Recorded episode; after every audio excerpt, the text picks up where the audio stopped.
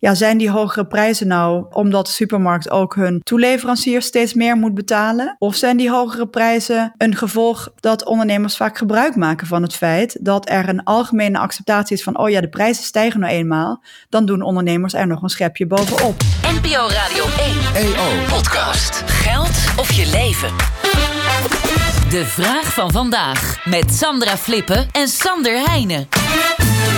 Ja, en de vraag van vandaag komt van Willemijn. En die vraagt, eh, of die stelt eigenlijk dat supermarkten ondanks de inflatie enorme winsten maken. En zelf zeggen ze dat ze de inflatie ook voelen en dat de winstmarges hard dalen.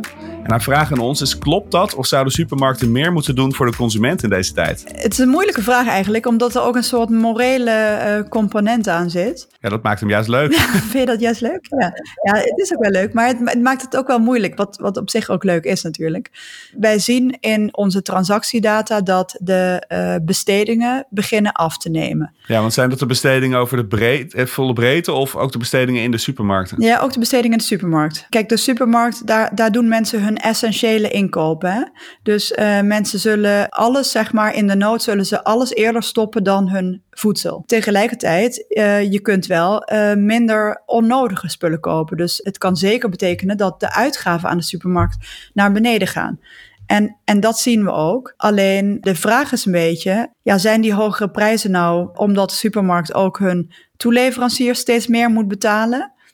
Of zijn die hogere prijzen een gevolg van wat je helaas ook ziet bij ondernemers, dat ondernemers vaak gebruik maken van het feit dat er een algemene acceptatie is van, oh ja, de prijzen stijgen nou eenmaal, dan doen ondernemers er nog een schepje bovenop. Dus de ondernemer leest in de krant, uh, Centraal Bureau voor de Statistiek zegt 18% inflatie, hup, 18% uh, omhoog met de prijzen. Ja, en daarom is dat cijfer van het CBS ook zo belangrijk, want als inderdaad het CBS zag, nou 18% is volgens mij wel een beetje gortig. Is dat ooit geweest? Ja, volgens mij, nou misschien 14, 15. Ja, dat wel zoiets, die orde groter volgens mij hoor. Ja. Nou ja, laten we zeggen dat, dat het 14 was op een gegeven moment. Als dat cijfer niet klopt en uh, de supermarktinkoper die merkt via zijn toeleveranciers dat die inkoopprijzen zeg maar uh, 7 of 8 procent gestegen zijn. Uh, ja, dan, dan gaat zo iemand misschien wel nadenken van... hé, hey, die consument die verwacht 14 procent, ik heb maar 8 procent... ik kan er toch wel met enig fatsoen nu 10 procent van maken. Dus dan sla je er nog 2 procent bovenop. En dan leg je het neer in de supermarkt. Ik weet niet of, of supermarktondernemers dat doen hoor... Maar ik denk dat dat precies het stukje verontwaardiging is waar deze vraag vandaan komt. Precies, en wat ze refereert ook naar een kwartaalwinst van Ja. Ahold van 600 miljoen. Ja. Hè, netto winst, wat natuurlijk een enorme winst is. En tegelijkertijd is het natuurlijk een heel groot bedrijf. En die hebben volgens mij eh, tijdens de coronacrisis hadden ze ook eh, een miljardenwinst over dat jaar. Ja. Wat ik ook nog wel een interessante vind, is zouden supermarkten niet meer moeten doen voor hun toeleveranciers. Hè? Voor de boeren waar ze hun voedsel vandaan halen. Want daar zitten ze natuurlijk altijd ook heel strak in die onderhandelingen. Juist. Is daar vanuit, vanuit economenperspectief nog iets eh, slims over te zeggen? Ik zag toevallig net vanochtend in de krant staan dat Ahold komt met een nieuw klimaatplan.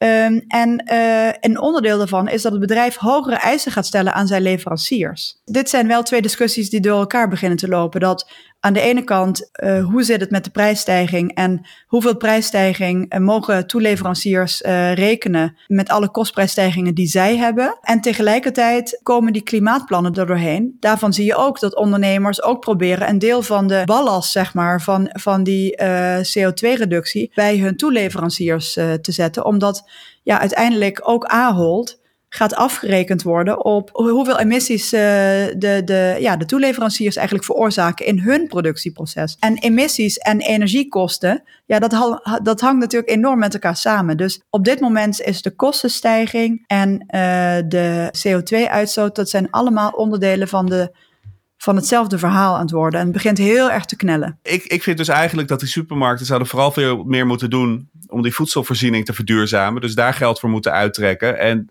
uh, consumenten die in de knel komen, dat is eigenlijk een sociaal-economisch probleem, wat we langs die route zouden moeten oplossen. Dus daar vind ik dat we als samenleving naar moeten kijken van hoe zit het met, hoe zit het met de lonen en hoe zit het met de uitkeringen? Zijn die nog toereikend in deze tijd om alles te doen volgens de normen die we ook met in Parijs klimaatdoelen hebben afgesproken. Nou, en nu je zo op deze tour gaat, wil ik er ook nog wel een schepje bovenop doen.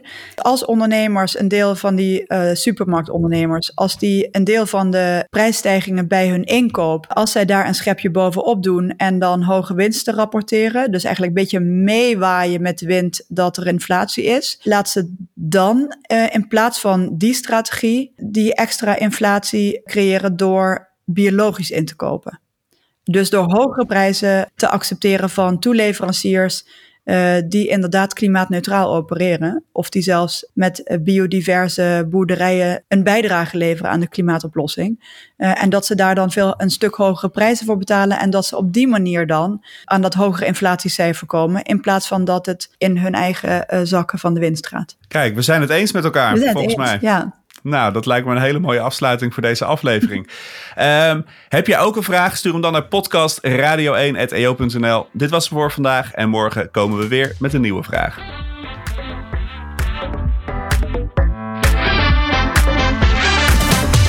NPO Radio 1 EO Podcast.